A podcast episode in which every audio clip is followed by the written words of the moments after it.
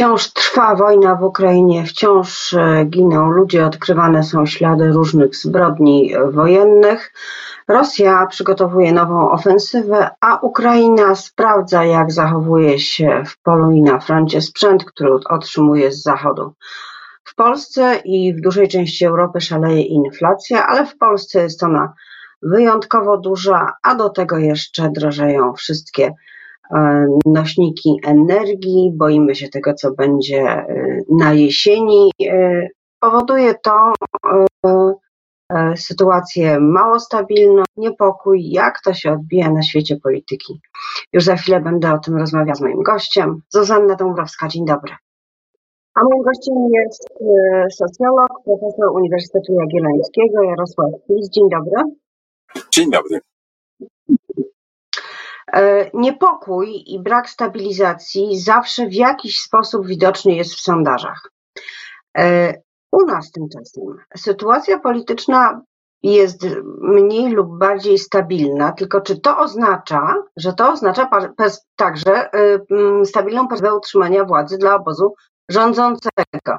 Przypomnijmy, pisma między, czy też Zjednoczona Prawica między 30 a 34% poparcia obecnie w różnych sondażach. To zupełnie tego nie, nie obiecuje. To znaczy, to jest stabilność na takim poziomie względnie pewnego oddania władzy. To znaczy, to się musi zmienić, żeby PiS nie oddał władzy niż w drugą stronę. Także tutaj ta bitwa w ciągu ostatnich dwóch lat została przegrana. To się zaczęło w październiku 2020 roku i później już te, w zasadzie nawet trochę wcześniej, już gdzieś latem to, to było widoczne po pierwszych, w pierwszych sporach i też w pierwszych zmianach sondażowych. No i później ta sytuacja tam lekko się wahała, ale wahała się właśnie w obrębie takich stanów, to znaczy, że w najlepszych y, sytuacjach to się ocierało samodzielną większość, ale to były raczej y, pojedyncze przypadki, ale generalnie już teraz od wiosny to się ustabilizowało na, na takim poziomie, że gdyby się dzisiaj odbyły wybory, no to po prostu obóz rządzący pakuje walizki. Ewentualnie są czasami niewielkie e, szanse w niektórych sondażach, że się utrzymuje, gdyby chciała z nim zawrzeć e, koalicję Konfederacja.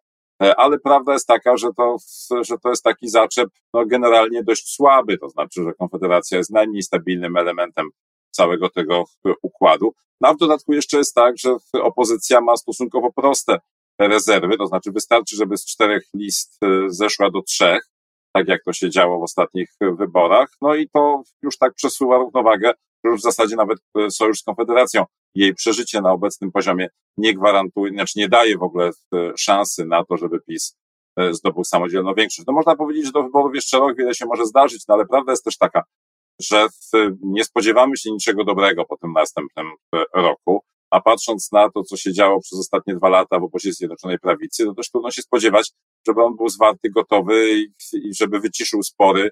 Raczej można się spodziewać, że te spory będą narastać. Już zresztą konsekwencje tych sporów są bardzo duże, to znaczy utrata stabilnej sejmowej większości.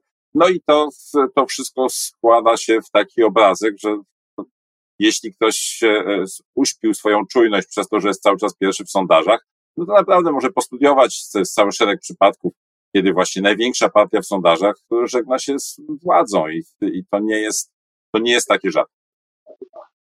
Panie profesorze, było w 2019 roku w wyborach e, parlamentarnych 43,5, nawet 43,6 E, taki był wynik Prawa i Sprawiedliwości. Teraz mamy mniej więcej o 10 punktów mniej. Co się stało z tymi wyborcami? Czy oni gdzieś w tych sondażach są widoczni? Oni się obrazili na PiS, poszli do opozycji, nie chcą głosować? Co to za ludzie?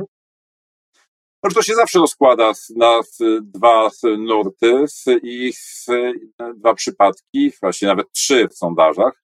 To znaczy pierwszy, pierwszy nurt to są tacy, którzy przychodzą, to trudno powiedzieć. Część szuka sobie innych ugrupowań, a część się demobilizuje. Ale warto pamiętać oczywiście, że te sondaże są bardzo przybliżonym obrazem, dlatego że one wrzucają do jednego worka dwa rodzaje wyborców. Takich wyborców, którzy podejmują decyzje samodzielnie i takich wyborców, którzy kierują się swoim otoczeniem. To przybliżenie takich, którzy po prostu, no, może by wyjaśnić, którzy jak zbliżają się wybory, no na razie tak odpowiadają mniej więcej losowo, tak im się wydaje, ale jak będą się zbliżać wybory, to oni będą wypytywać znajomych pod sklepem, w kolejce u lekarza, w, na imieninach, u cioci, w pracy, na przerwie na kawę, na kogo będą głosować i tym się będą kierować. Nie będą się kierować takim swoim generalnym rozeznaniem, tak jak ci wyborcy, którzy sami głosują. No i na razie my ich tak lekko przybliżamy tym, co się, co, co oni odpowiadają w sondażach, bo to, bo to nie jest tak, że oni podejmują decyzje w ten sam sposób. Teraz warto pamiętać, że dla nich bardzo ważnym kryterium jest entuzjazm po stronie poszczególnych partii. Znaczy, jeśli oni widzą, że ktoś idzie po zwycięstwo, że zwolennicy danej partii mówią, jest świetnie, ale mamy super przywódców, ale mamy świetny pomysł e, na to, żeby, żeby wygrać, no to oni wtedy bardziej są skłonni, e, skłonni głosować idąc wedle takiego wzoru. Natomiast jak oni słyszą, mówi, no, no, kicha, no, no, zatkam nos i pójdę zagłosować, no, co, co, co zrobić? Nie tak to miało być. E, no to, to wtedy oni oczywiście pokiwają głową ze zrozumieniem, e, ale nie dadzą po sobie poznać, no po co mają zdarzać do siebie rozmówcę, kolegę, sąsiada, e, ale swoje, swoje wnioski z tego wyciągną.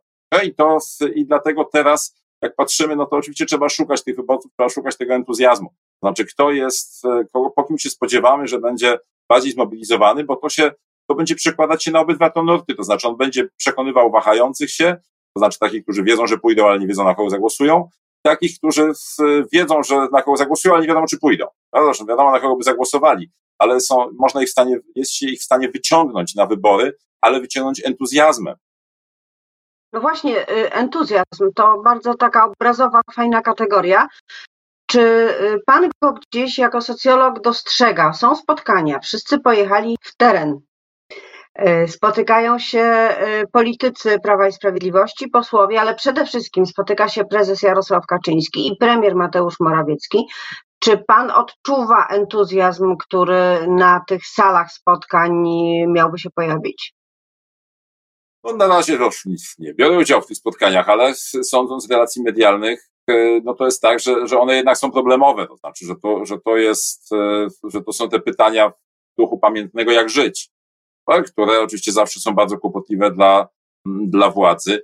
E, I e, w, I w tym sensie to zawsze, jak zwłaszcza po dwóch kadencjach, e, jest wielkie wyzwanie. Czy to zwala się winę na opozycję? Tutaj jest szczególnie premier Morawiecki, którego, jak wiemy, pozycja nie należy do najmocniejszych, w związku z czym stara się mówić może nie to, co najchętniej usłyszą wyborcy, ale to, co najchętniej usłyszy ten, od kogo jego pozycja jest uzależniona, czyli Jarosław Kaczyński i rozumiem, że on nie może powiedzieć, że wiedzą Państwo, no, prezes popełnił szereg błędów przez ostatnie dwa lata i próbujemy jakoś to ogarnąć, może nam się uda.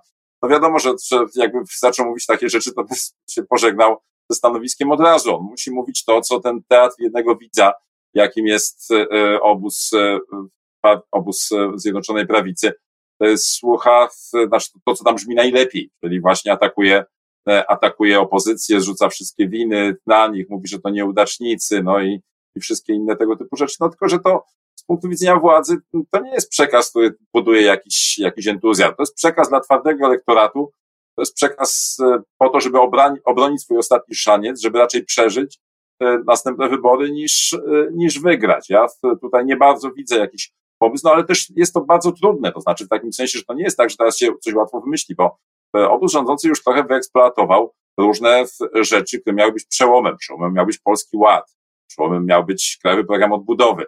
No wiemy, jak to, jak to wygląda, albo coś ląduje w koszu, albo czekamy na święty nigdy, kiedy to się pojawi, pojawiają się coraz, coraz to ciągle e, nowe warunki, nowe ograniczenia. Także te opowieści nowego przełomu, no to już słyszeliśmy parę razy i teraz nie wiem, co można by nowego no tak, ale po drodze y, między notowaniami na przykład stycznia, a obecnymi, które są prawie identyczne w różnych y, oczywiście y, instytutach badawczych, było, była zwyżka.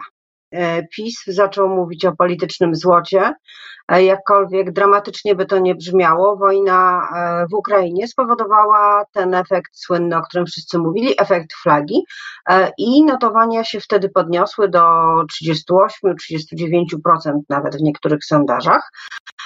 E, to minęło. I patrząc z tej perspektywy, e, wiedząc, że różnego rodzaju wydarzenia nam zagrażają, czy to wojna, czy pan, uczyliśmy się tego przez ostatnie lata, że nie ma stabilności, nie tylko za sprawą polityków, ale za sprawą tego, co po prostu dzieje się w świecie. Co, czy mogłoby się coś wydarzyć? Czy jest możliwy taki scenariusz, w którym PiS odbudowuje poparcie na skutek jakichś nieprzewidzianych wydarzeń, okoliczności? Tak, po pierwsze z tym efektem flagi, to, ja go nie widziałem, to znaczy to są takie wahnięcia, które, które są no, w granicach błędu statystycznego. E, to raczej jest chcieństwo. Efekt flagi, jak patrzymy na y, sondaże y, europejskie z czasów pandemii, on występuje w krajach anglosaskich i germańskich generalnie rzecz biorąc, natomiast jest zupełnie obcy, jeśli chodzi o kraje romańskie, słowiańskie i wszystkie pozostałe typu Grecja czy, czy Węgry.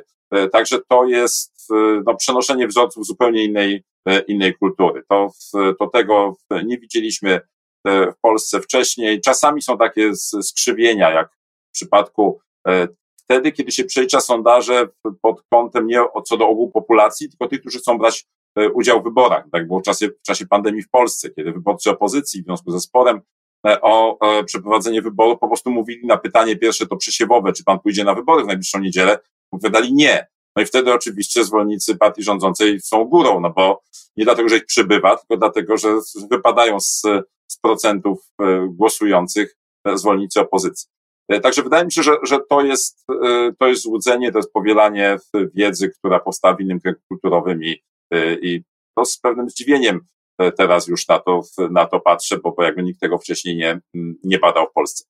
E, natomiast e, oczywiście różne rzeczy się mogą zdarzyć i, i, i gdyby ktoś, ktoś nam powiedział e, trzy lata temu, że będzie pandemia, wojna w pełnym wymiarze i, i, że Polska będzie wysyłać setki czołgów na Ukrainę, no to raczej wszyscy by się postukali w głowę i powiedzieli, że to jest jakby czysta jakaś fantastyka, dystopia i, i, i cokolwiek tam innego można by to nazwać. Także nie wiemy, co się zdarzy przez ten czas nie wiemy, no, w takiej mniejszej skali, no, zawsze się może zdarzyć, patrząc na różne przypadki, że ktoś pojedzie na Maderę, e, na wakacje i w, i w nieoczywistym składzie. E, także to, e, to różne przypadki mieliśmy tego typu w, w historii. Natomiast no, prawda jest taka, że w tym momencie rządzący mają podgórkę, opozycja ma większe rezerwy, przed rządzącymi są No właśnie dotarliśmy do ostatniego punktu naszej rozmowy, do opozycji. E, nie ma już dyskusji o jednej liście, wiadomo, że będzie więcej niż jedna. E, na ile ważne jest to, ile tych list y, będzie? Pan powiedział na początku, że e, niezależnie od tego, ile y, będzie list, czy będą trzy, że, że, jakby, że ograniczenie ich liczby zawsze daje jakieś punkty, czy rzeczywiście który układ, krótko mówiąc, jest optymalny, gdyby partie opozycji przyszły do Pana poradę? To co by Pan powiedział? Znaczy, doradzeniem to się tak średnio z, z zajmuje, natomiast y, wygląda to, y, to w ten sposób, że to pewne rzeczy są, są względnie oczywiste, one były publicznie mówione. Znaczy, nie ma nie da czterech list. To, to, jest, to jest pewne. To jeśli chodzi o jedną listę, przenosząc się na, na skrajny drugi biegun, E, to to jest tak, że ona wiąże się jednak z dużym ryzykiem, to znaczy szczegółowa analiza tego, co się zdarzyło w przypadku wyborów senackich e, w Polsce, porównanie z innymi krajami, pokazuje, że nie ma co liczyć na to, że w takim kraju wielkości Polski da się utrzymać dwie partie. To znaczy w takim sensie, że będą dwie partie i nikt poza nimi nie wejdzie e, powyżej progu. W związku z czym zjednoczenie opozycji oznacza postawienie pytania, kto będzie trzecią siłą.